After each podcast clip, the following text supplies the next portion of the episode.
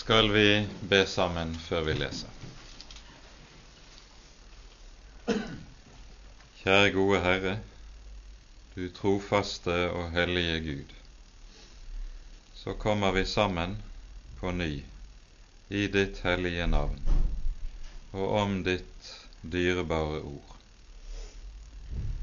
Takk, Herre, at du selv har satt oss stevne der du lar ditt ord lyde, for at vi skal få lære deg å kjenne og bli frelst.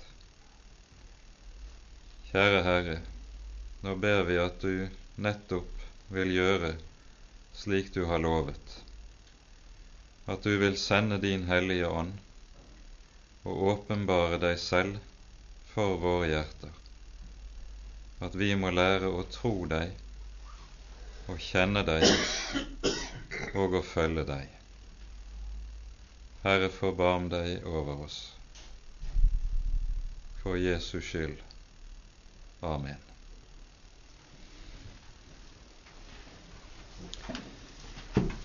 Så er vi altså kommet til det tolvte kapitlet i Første Mosebok, og med det begynner et nytt hovedavsnitt i frelseshistorien, åpenbaringshistorien.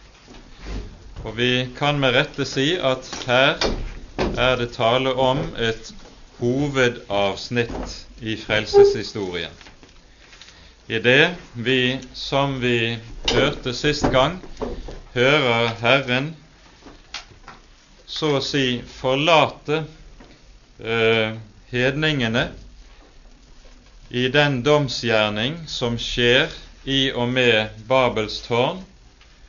Og så er det nettopp i denne epoke at utvelgelsen av Abraham kommer, og med det Israels periode i frelseshistorien også begynner.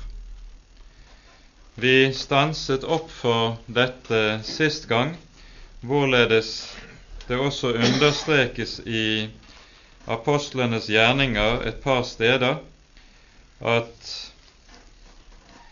um, Herren lar folkeslagene spres over jorden um, med tanke på at folkeslagene skulle søke Herren og om mulig finne ham mens åpenbaringen dog skjer i Israels folk. Og Denne perioden fra og med Abraham og frem til og med pinsedag er så Israels periode rent frelseshistorisk.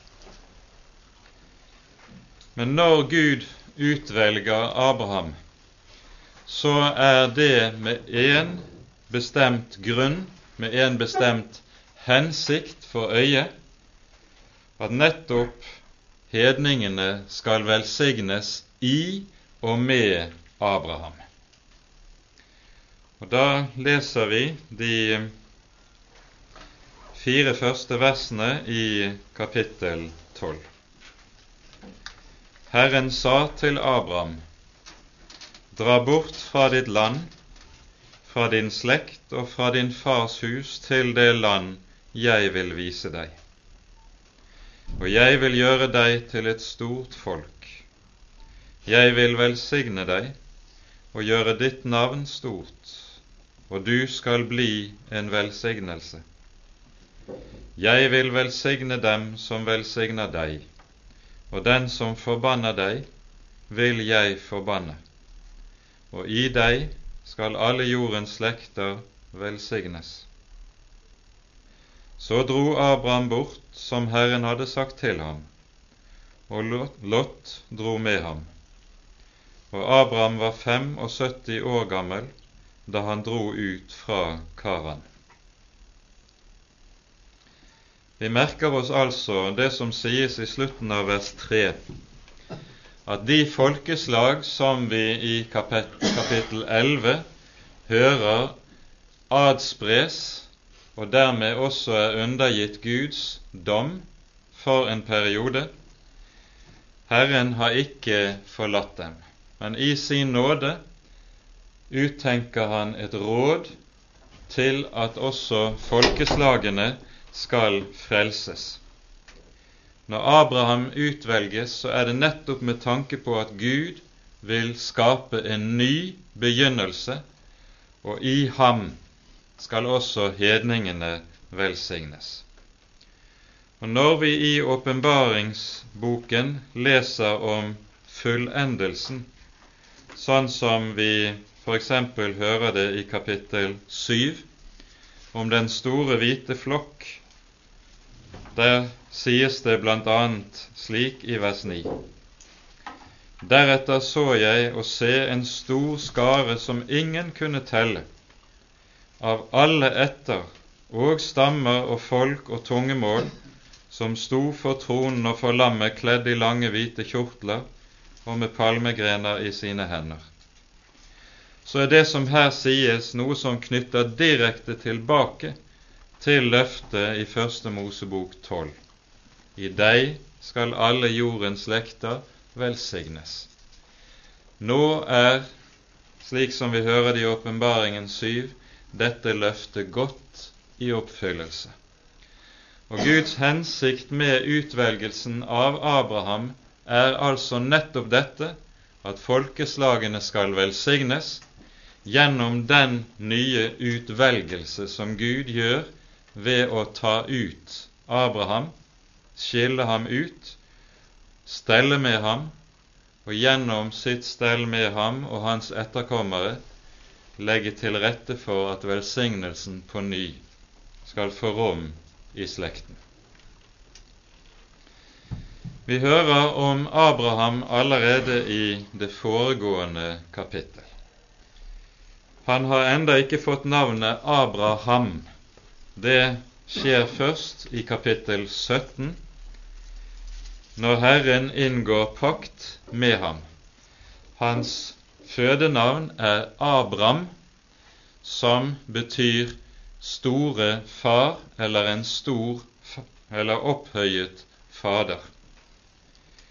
Mens det navnet han får av Gud, Abraham, i vers 17, det betyr far til mange folkeslag, og skal altså være et navn som profetisk peker fremover mot det som er, så å si, hele meningen med hans utvelgelse.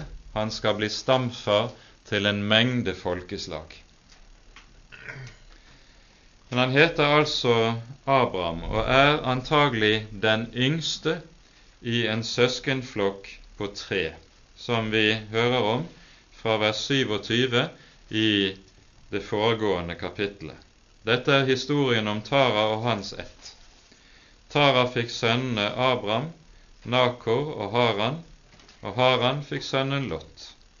Haran døde hos sin far Tara i sitt fedreland i Ur i Kaldea. Haran er altså antagelig den eldste av disse brødre. Når Abraham nevnes først, er det på grunn av den betydning han har, at det er ham Hele den, fort, den kommende historie dreier seg rundt. Abraham og Nakor tok seg hustruer. Abrahams hustru het Sarai. Nakors hustru het Milka og var et datter av Haran, far til Milka og Giska. Men Sarai var ufruktbar, hun hadde ikke noe barn.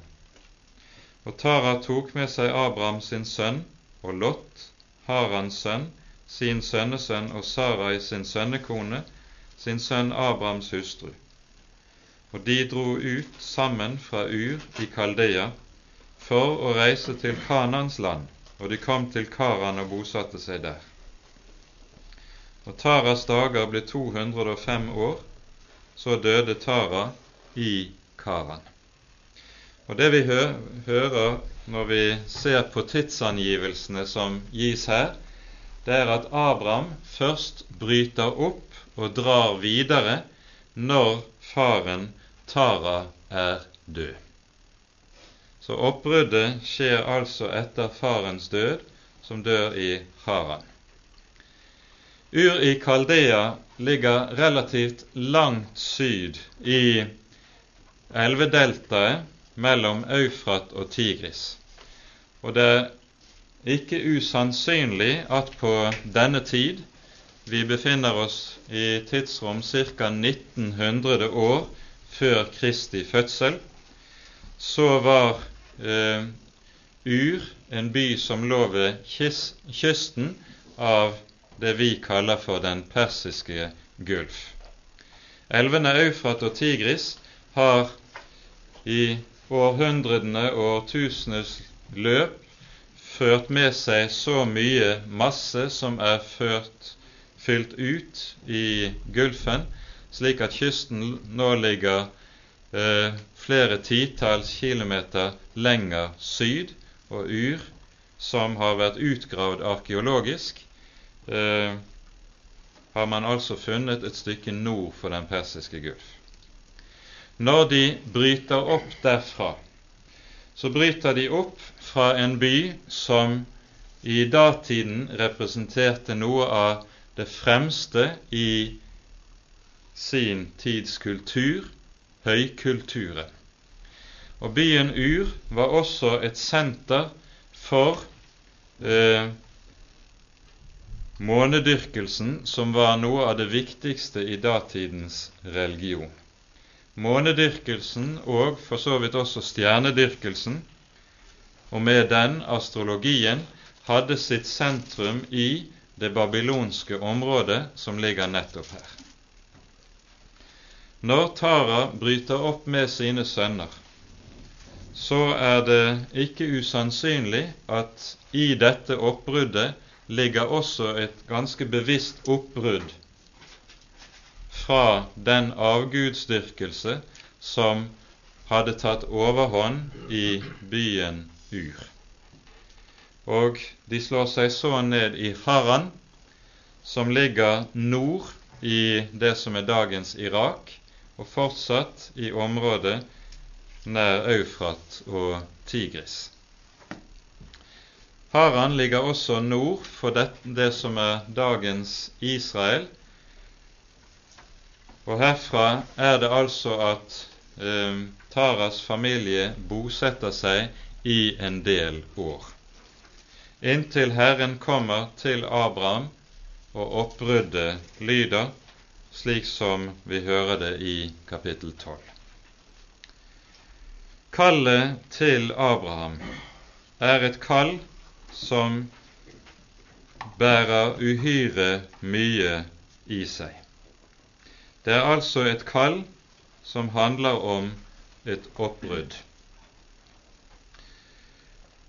Og vi skal merke oss at Abraham har i vår bibel en helt sentral plass, slik vi leser det også i Det nye testamentet.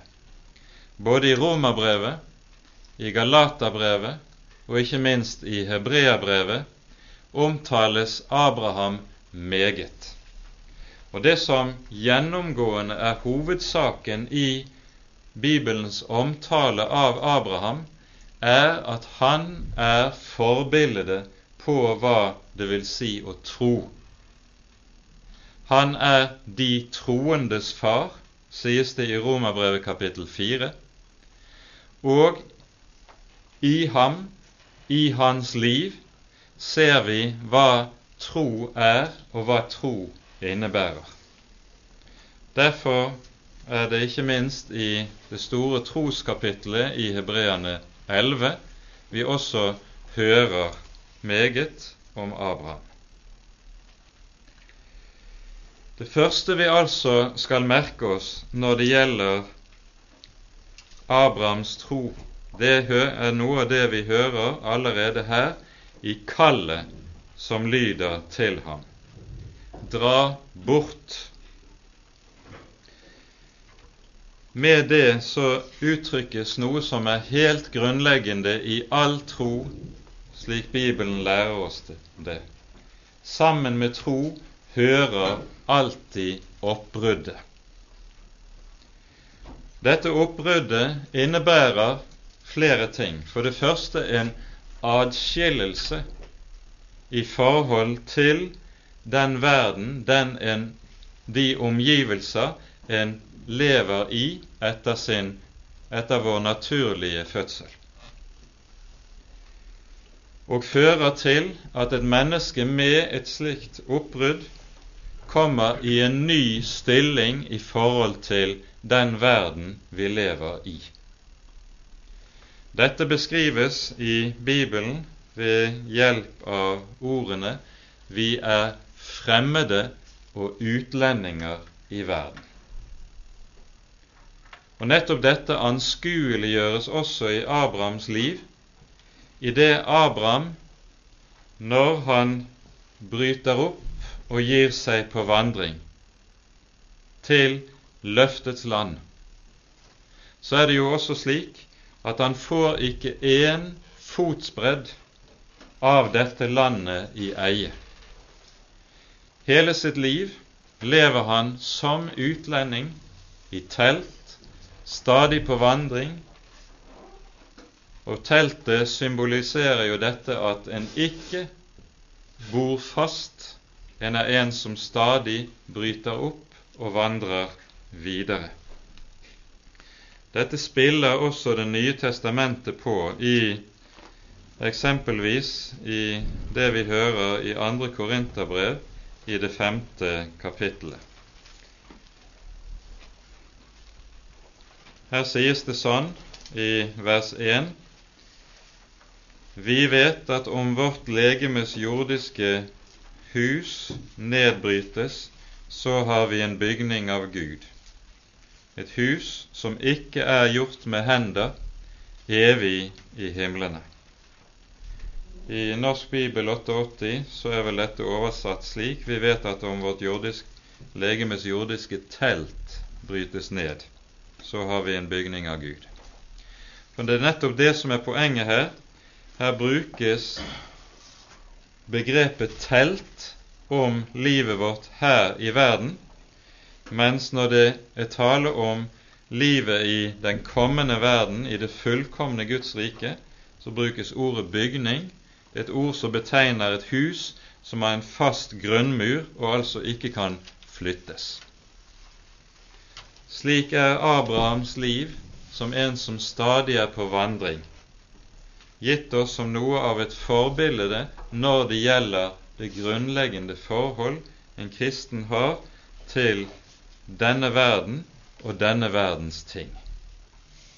Samme saken understrekes også for oss i første Korinterbrev i det syvende kapittelet.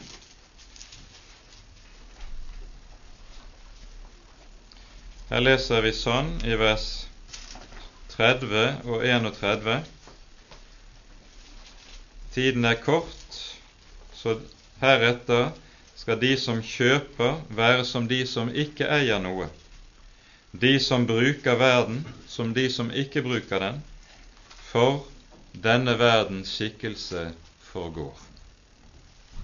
Altså, med troen hører altså det å vite vi er dypest sett fremmede og utlendinger her i verden. Vi hører det også understrekes for oss i Hebreabrevets ellevte kapittel. Der står det sånn, vi kan lese vers 8 og vers 9. Ved tro var Abraham lydig da han ble kalt, så han dro ut til det sted han skulle få til arv. Han dro ut uten å vite hvor hen han skulle komme. Ved tro oppholdt han seg som utlending i det lovede land, som i et fremmed land, idet han bodde i telt sammen med Isak og Jakob, medarvinger til det samme løftet. Som utlending, som fremmed, i telt.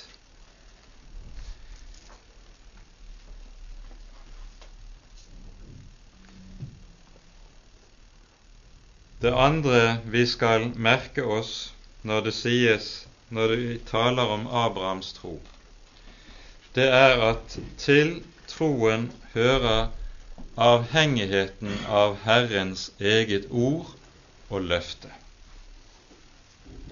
Vi leste også fra Hebreane 11 her han brøt opp uten å vite hvor han skulle komme. Herren sier jo i oppbruddsordene til Abraham slik:" Dra bort til det land jeg vil vise deg. Så kunne Abraham spørre, ja, til hvilket land? Og Herren bare sier, eller ville svare, jeg vil vise deg, du skal bare bryte opp. Altså det er et oppbrudd der han gir seg på vei, på vandring, uten egentlig å vite hvor. Han er avhengig av at han som har kalt ham til å bryte opp, tar seg av ham og viser ham vei skritt for skritt til han er der han skal være. I det ligger noe helt grunnleggende, for da, dermed sies det oss at det som er det vesentlige i Abrahams tro, det er at han har fått et ord å holde seg til.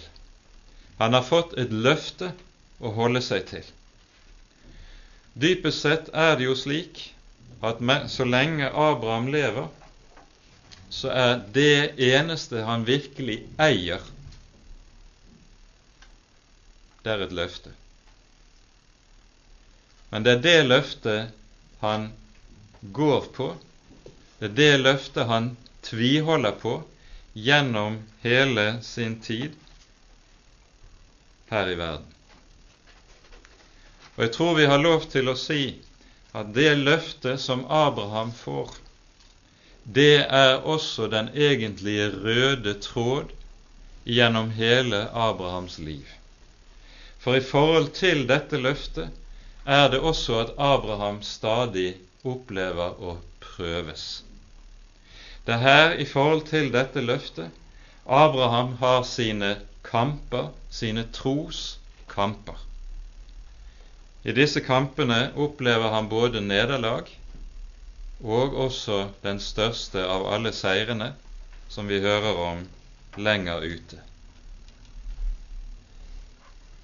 Men det eneste Abraham altså egentlig har, det er et ord. Men dette ord og dette løftet er den eiendom han eier. Og med det løftet eier han også alt annet. Og så ser vi i det et dypt forbilde på hva tro er.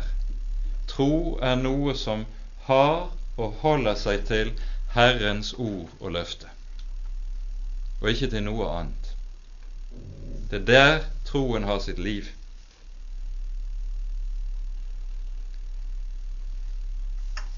Dette Herrens ord gjør at Abraham kan bryte opp uten å vite hvor hen han skal gå.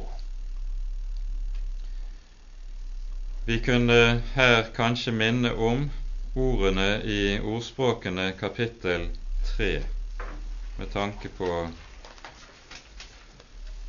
det vi nå er inne på.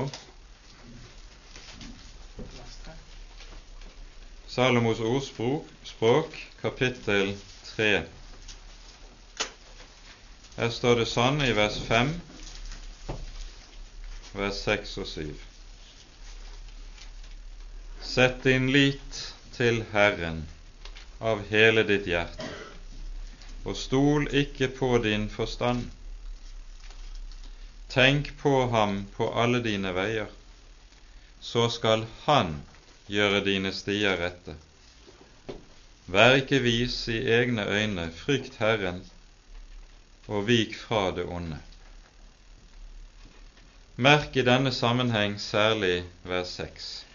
Tenk på ham, eller som det egentlig står, kjenn ham på alle dine veier, så skal Han gjøre dine stier rette. Det sier noe om hvor øynene festet, hvor blikket har sitt faste grunn. En har ikke blikket festet på veiene, men på Herren. Tenk på Herren, så skal Han ta seg av veiene. Det som er naturlig for oss, er jo det motsatte. At vi har blikket festet på veiene. Og når veiene blir kronglete, når veiene blir smale og trange og vanskelige og bratte, ja, det ser aldeles stengt ut, da fortviler vi, da bekymres vi. Men det er nettopp fordi blikket er vendt den gale veien. Tenk på Herren på dine veier, så skal Han ta seg av veiene. I det ligger det stor, en stor og viktig nøkkel til alt som har med troens liv å gjøre.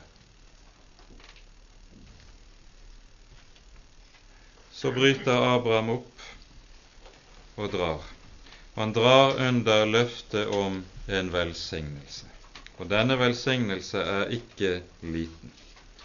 Det første som sies, og som Abraham altså loves, er 'Jeg vil gjøre deg til et stort folk'. Det ordet knytter umiddelbart til det vi hører i foregående kapittel, der det sies i vers 30 Sarai var ufruktbar, hun hadde ikke noe barn.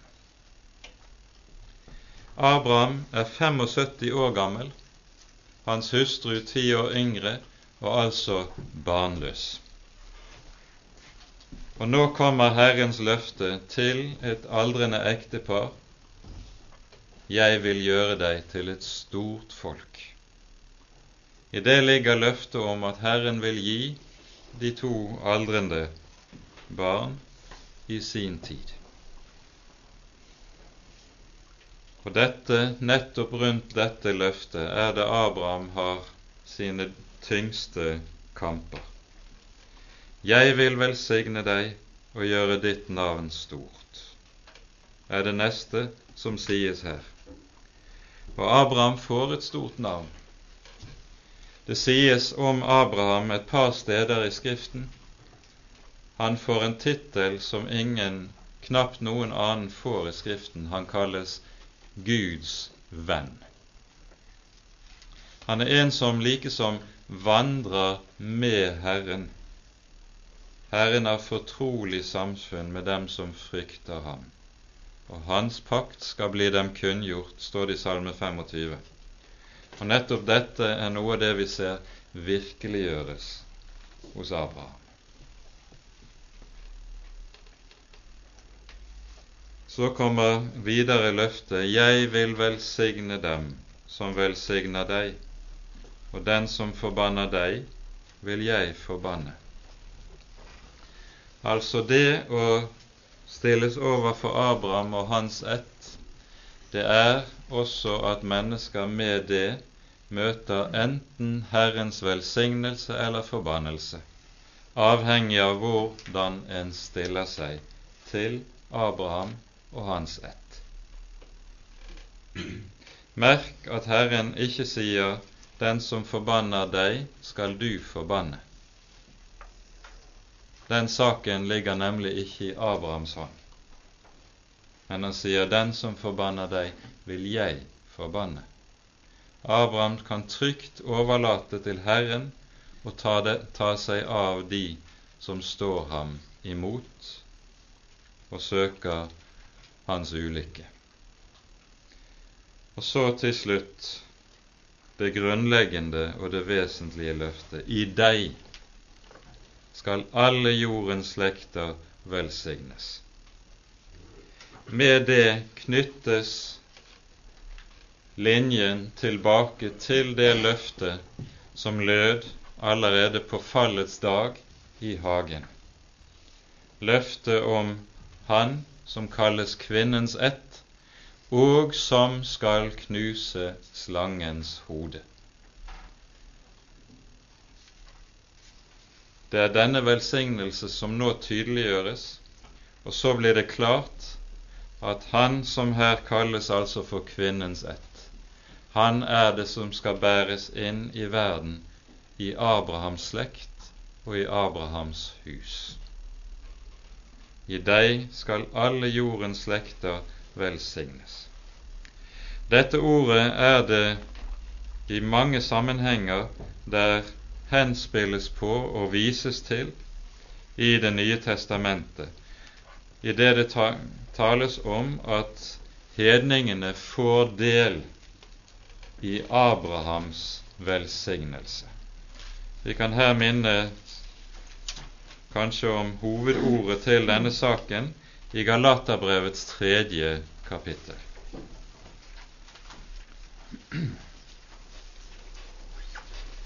Her står det slik, vers 13 og vers 14.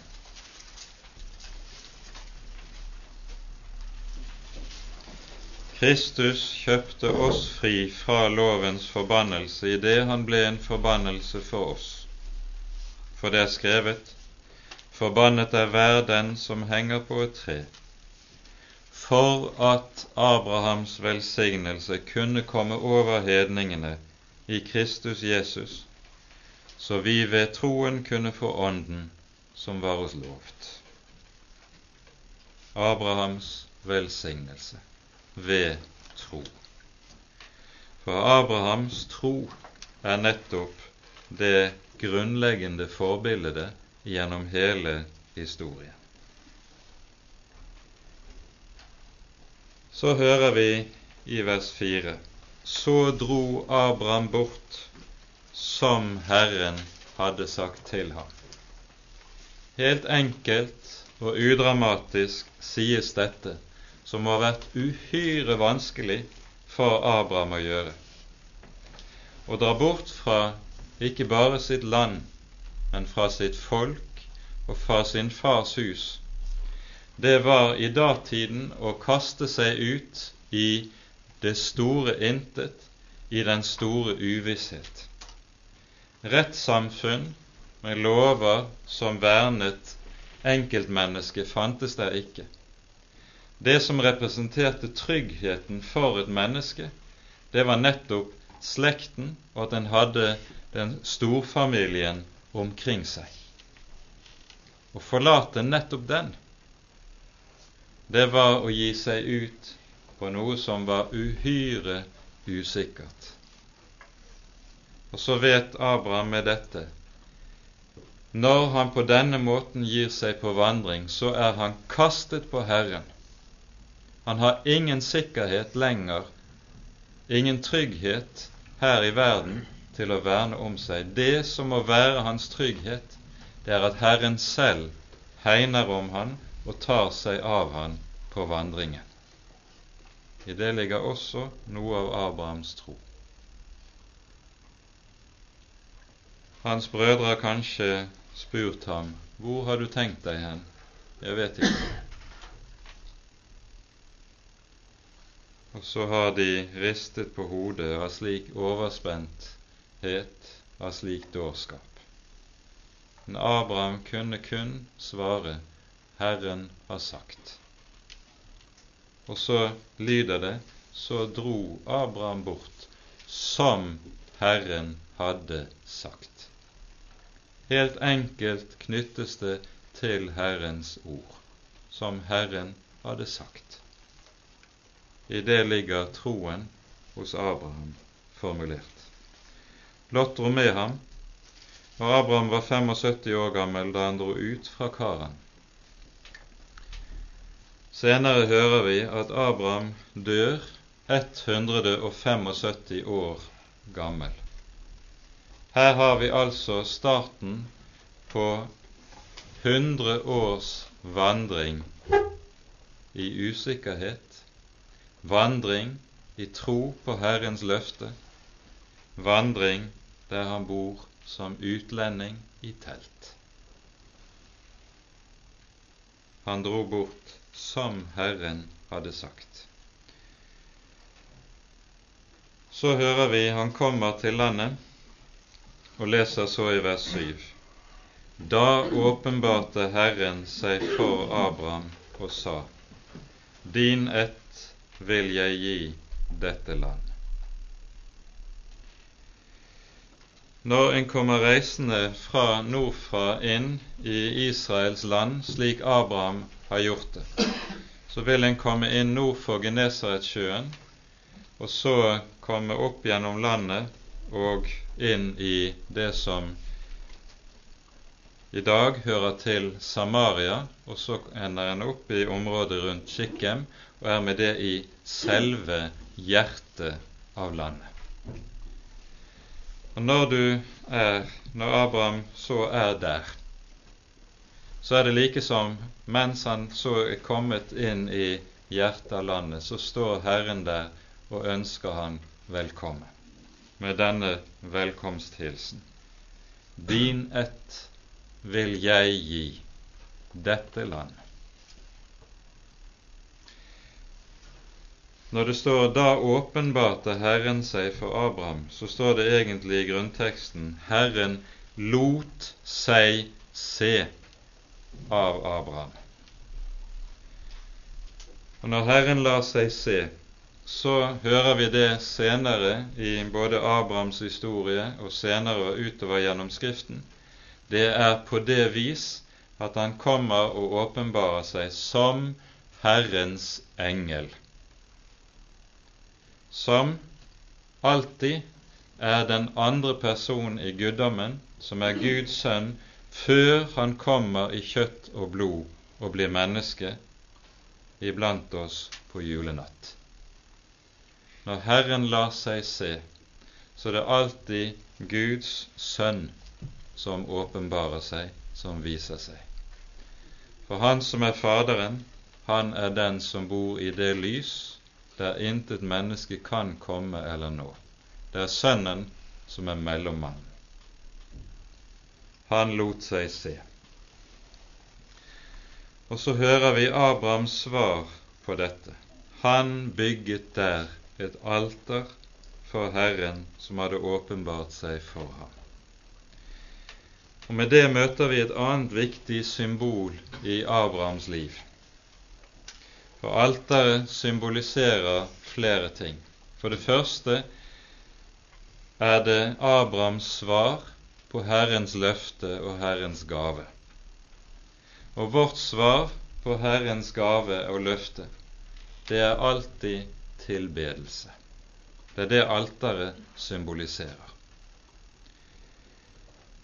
Og for det andre ligger det i dette at Abraham ved å bygge alter slik, så innvier han det land og det liv han skal ha her i landet. Det innvies til Herren. Og så ser vi at når vi leser Abrahams historie videre, så er det to trekk som stadig går igjen. Det ene er teltet og oppbruddet. Så brøt han opp og der han slår seg til, der finner vi alteret. De to ting står der som stadig gjennomgående trekk gjennom hele hans liv, gjennom alle hans vandringer. Og når han drar fra nord til syd i landet og fra syd til nord igjen, så stanser han de stedene der han har reist disse altere. Det blir hans faste holdepunkter på livet, i livet på vandring. Nå går vi noe videre. Abraham eh, drar sydover i landet, og så hører vi ifra vers 9 av. Abraham dro etter hvert videre til Sydlandet, dvs. Si til Negev, og der ble hungersnød i landet, og Abraham dro ned til Egypt for å oppholde seg der, for hungersnøden var stor i landet. Og da han ikke hadde langt igjen til Egypt, sa han til Sarai sin hustru, Jeg vet jo at du er en vakker kvinne. Når nå egypterne får se deg, vil de si, Dette er hans hustru, og så slår de meg i hjel og lar deg leve. Kjære, si at du er min søster, så det kan gå meg vel og mitt liv kan bli spart for din skyld. Da nå Abraham kom til Egypt, så egypterne at kvinnen var meget vakker. Også faraos høvdinger så henne og roste henne for farao, og så ble hun hentet til faraos hus. Og farao gjorde vel imot Abraham for hennes skyld. Han fikk både småfe og storfe asener og treller og trellkvinner og aseninner og kameler. Men Herren hjemsøkte farao og hans hus med store plager for Abrahams hustru Saras skyld. Da kalte farao Abraham til seg og sa, Hva er det du har gjort imot meg? Hvorfor lot du meg ikke vite at hun er din hustru? Hvorfor sa du, Hun er min søster, så jeg tok henne til hustru? Se, her har du din hustru, ta henne og gå. Og farao ga noen menn befaling til å følge ham på veien med hans hustru og alt han eide.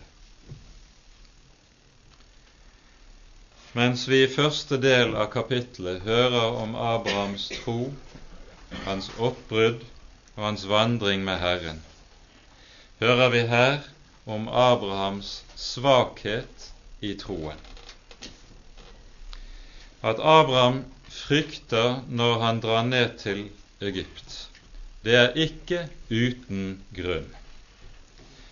Man har faktisk funnet eh, arkeologisk eh, papyruser som forteller om at enkelte faraoner, dersom de så kvinner som de gjerne ville ha, så sendte de sine soldater av sted hentet dem og slo i hjel deres ektemenn.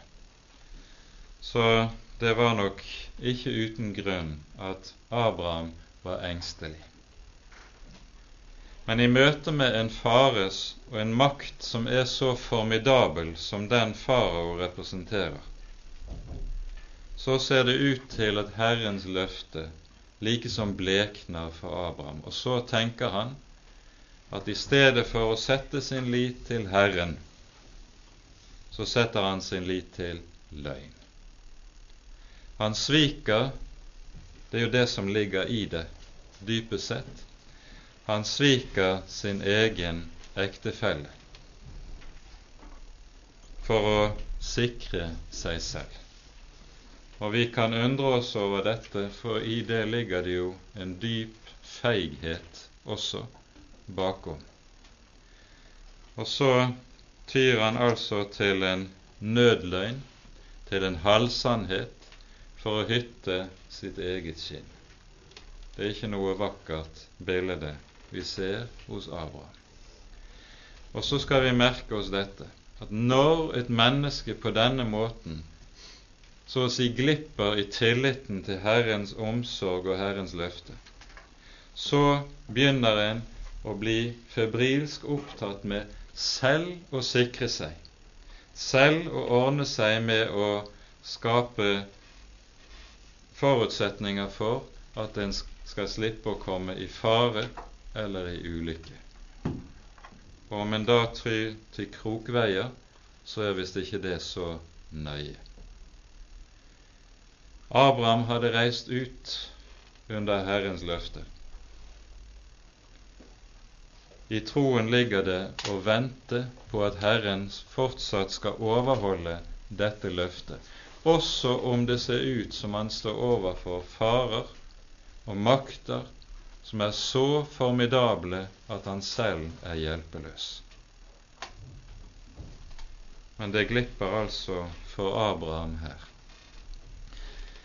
Og så stadfestes i denne lille beretningen om Abraham her at om en Abraham ved denne anledning er troløs, så er Herren trofast.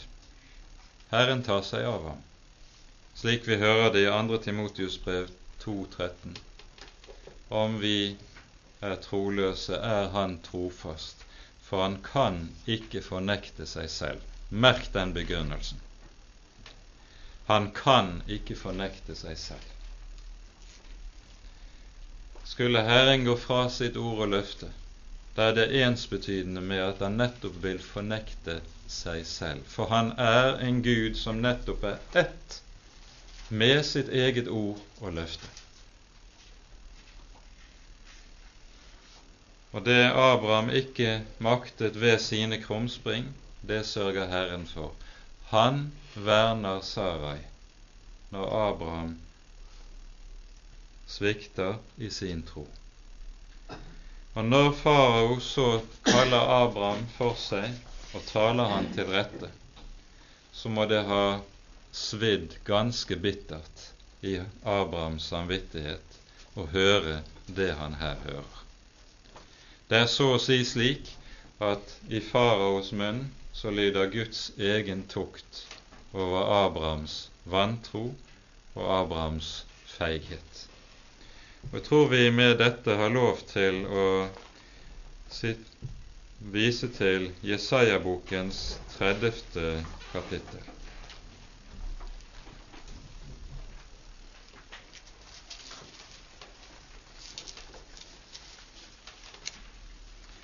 Her står det slik i vers 21.: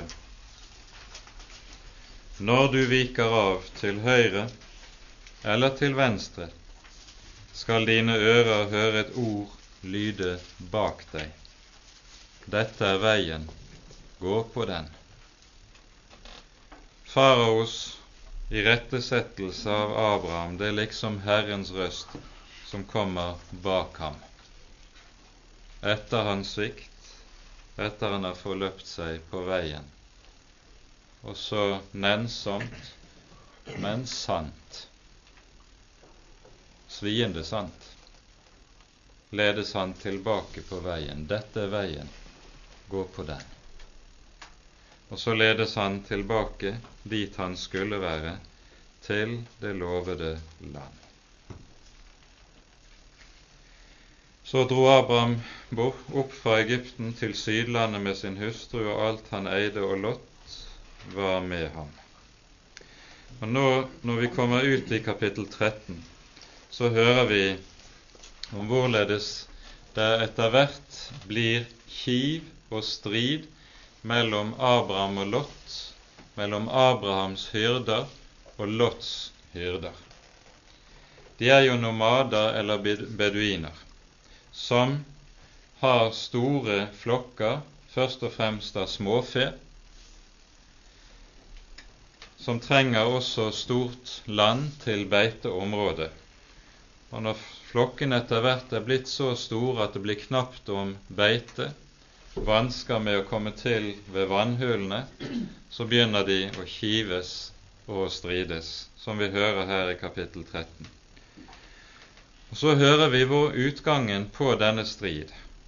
Og da er det så å si sånn at Abraham av Herren sitt 'Dette er veien, gå på den', samler seg, og så på ny får vi se Abrahams tro komme til uttrykk. Vi leser fra vers 8.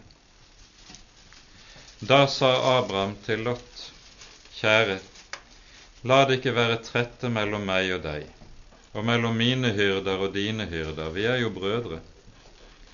Ligger ikke hele landet åpent for deg? Skill deg heller fra meg. Drar du til venstre, vil jeg dra til høyre, og drar du til høyre, vil jeg dra til venstre. Da så Lot utover landet, og han så at hele Jordansletten like til Soar overalt var rik på vann, som en Herrens hage, som Egyptens land. Det var før Herren hadde ødelagt Sodoma og Gomorra.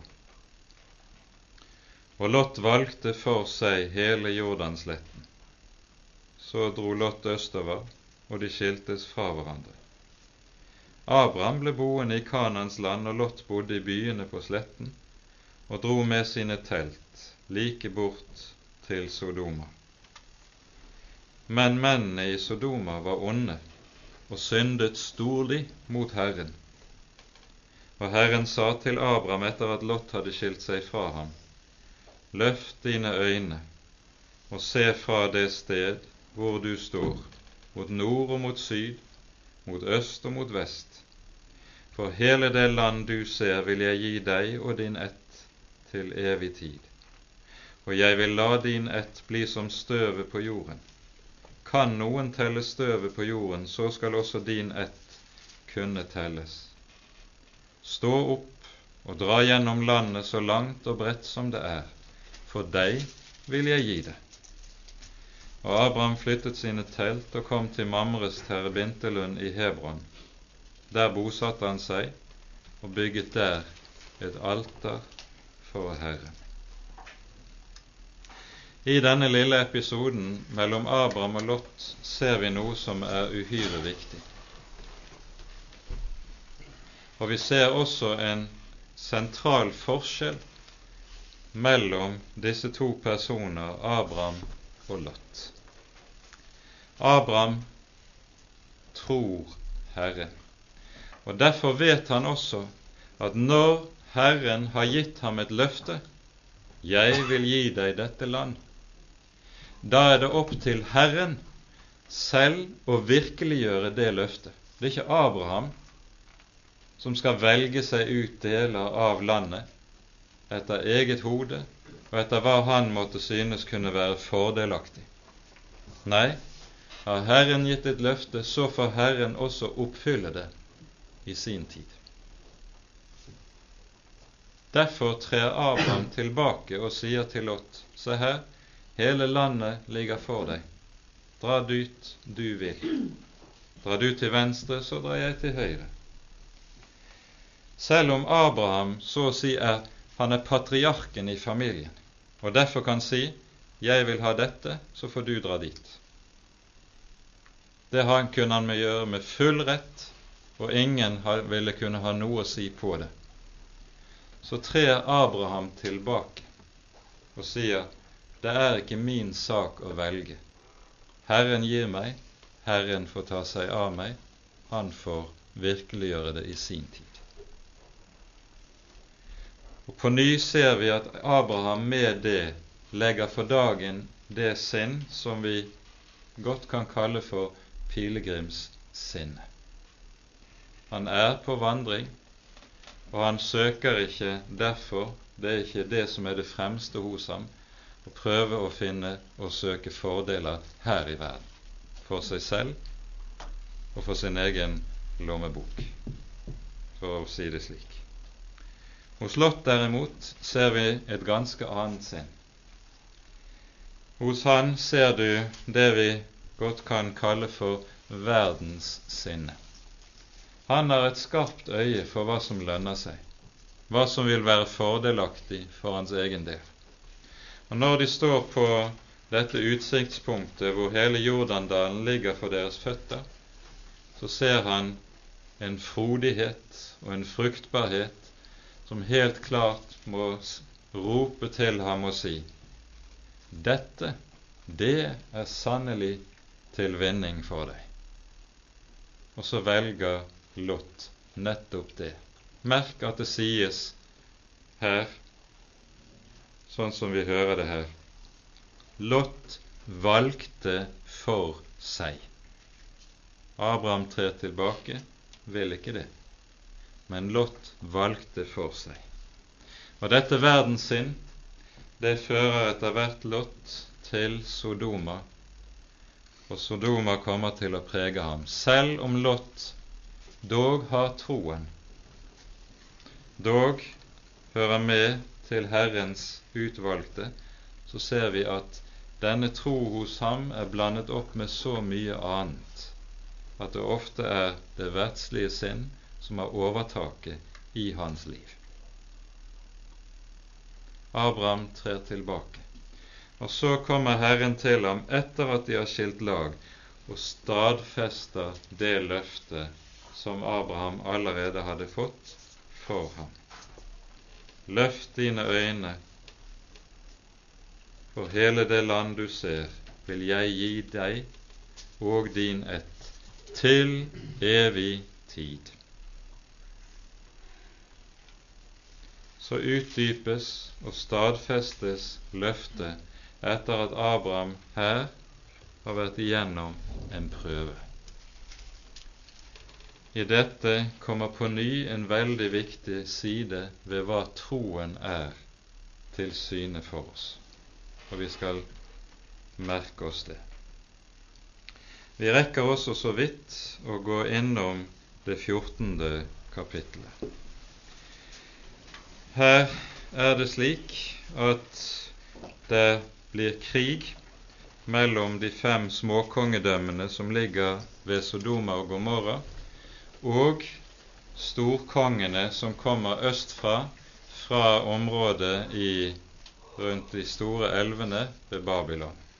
Kedorlo Loama tar med seg tre andre konger og drar på herjetog til byene i Jordandalen.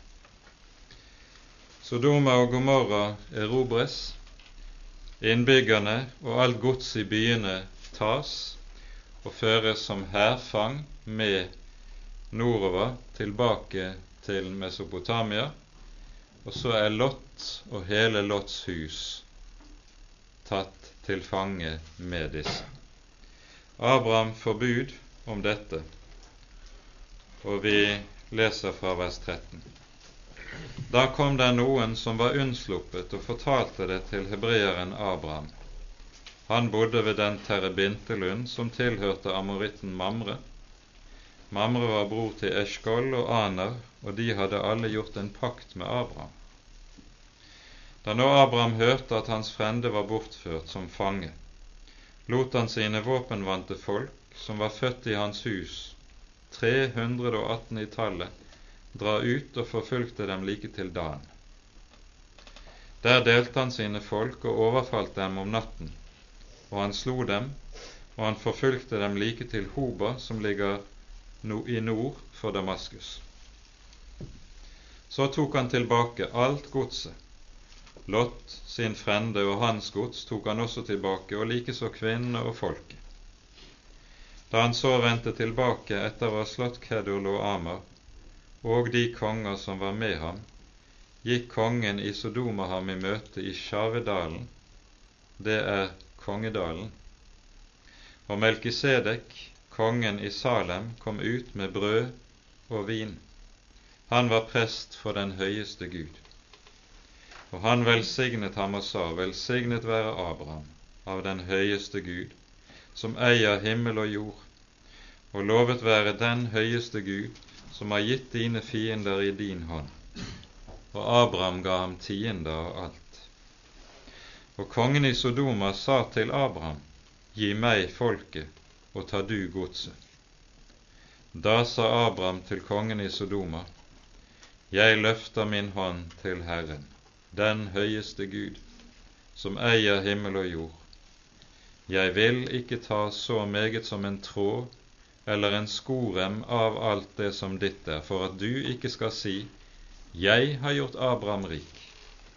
Jeg vil intet ha, bare det som mine folk har fortært, og det som faller på de menn som dro med meg, Aner, Eshkol og Mamre, la dem få sin del.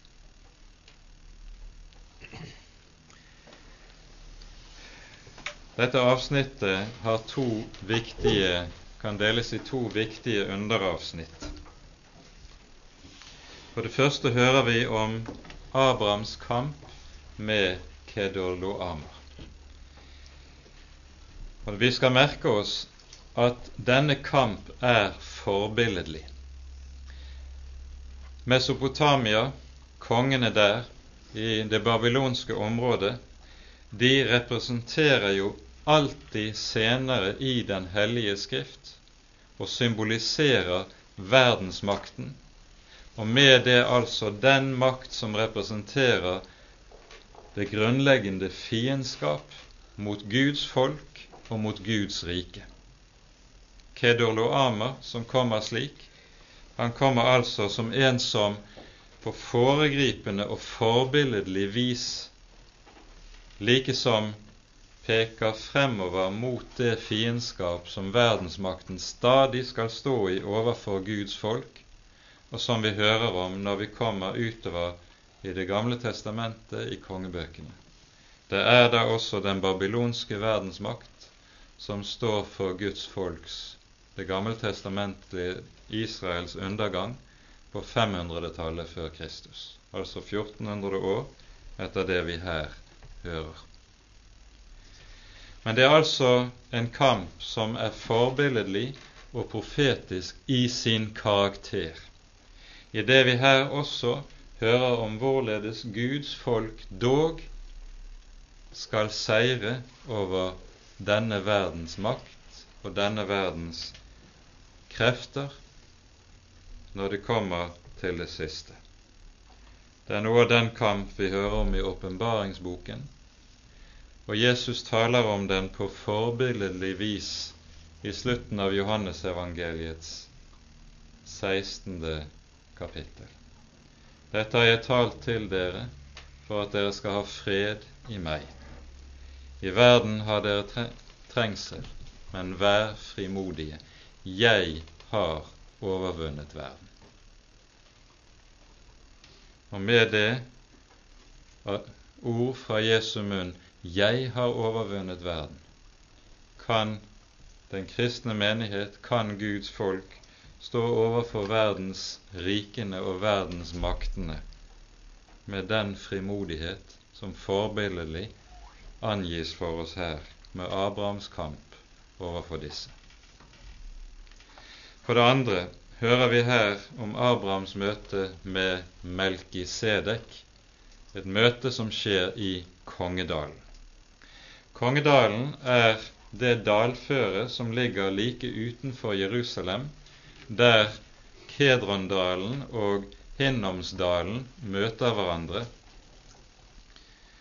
Og det er altså her disse tre møtes. Abraham, Sodomas konge og kongen i Salem.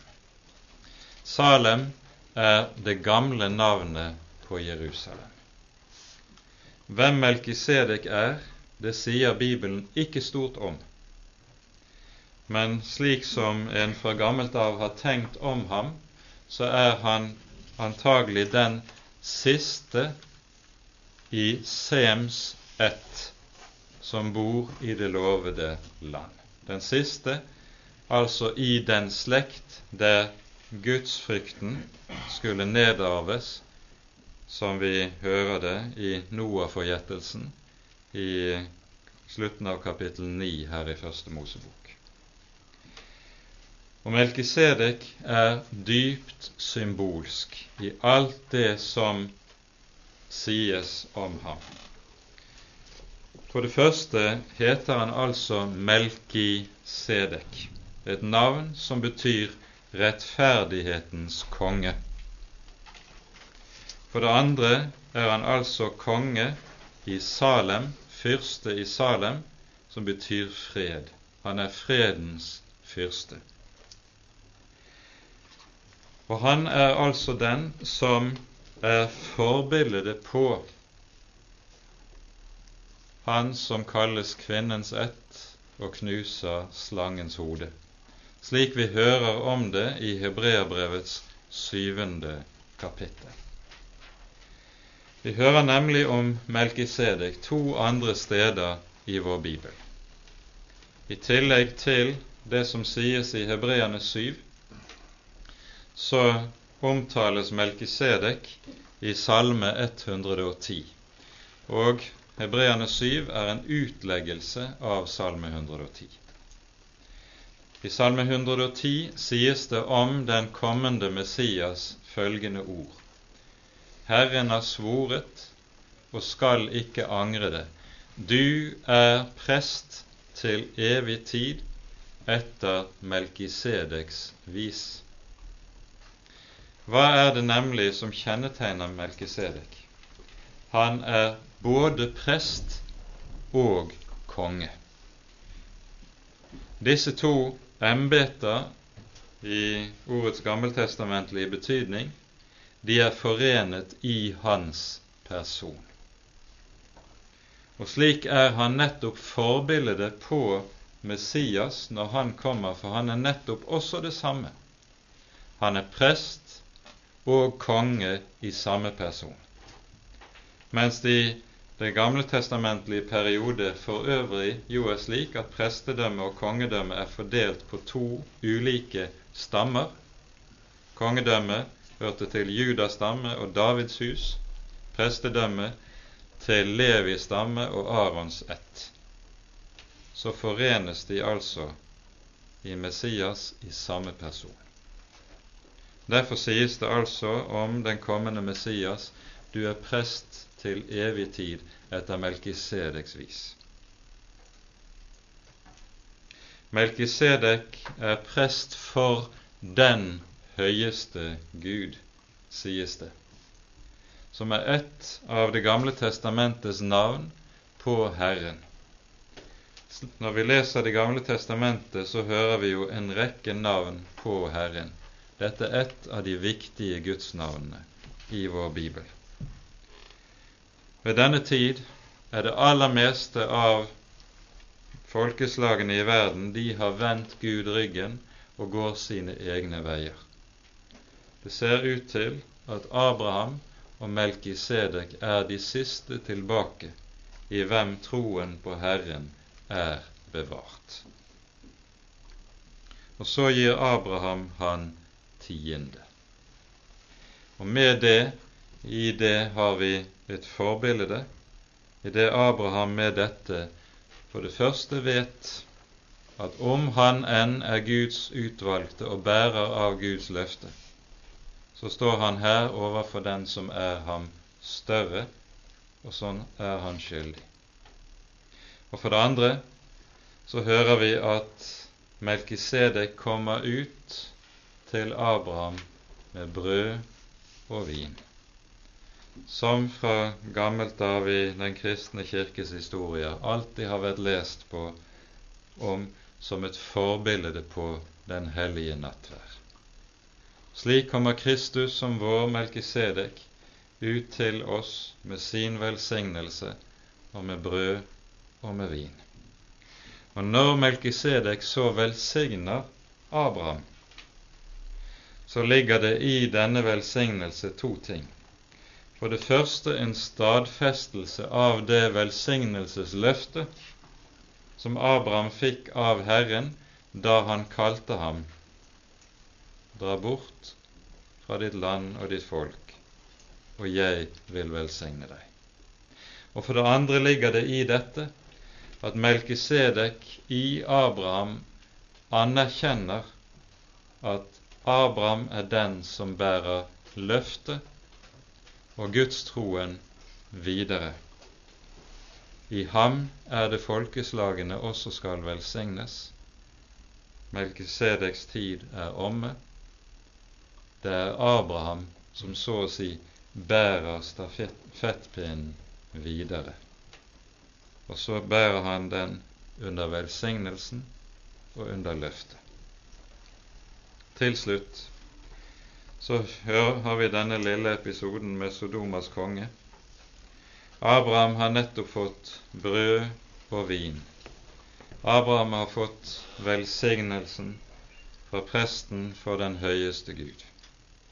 Så kommer Sodomas konge til ham med ordene Jeg gir du meg folket, og tar du så godset.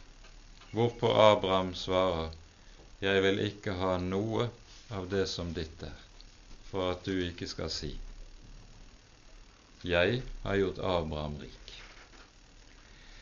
Abraham forsaker Sodomas skatter. Og bakom dette ligger også antagelig noe av det han hadde lært i Egypt.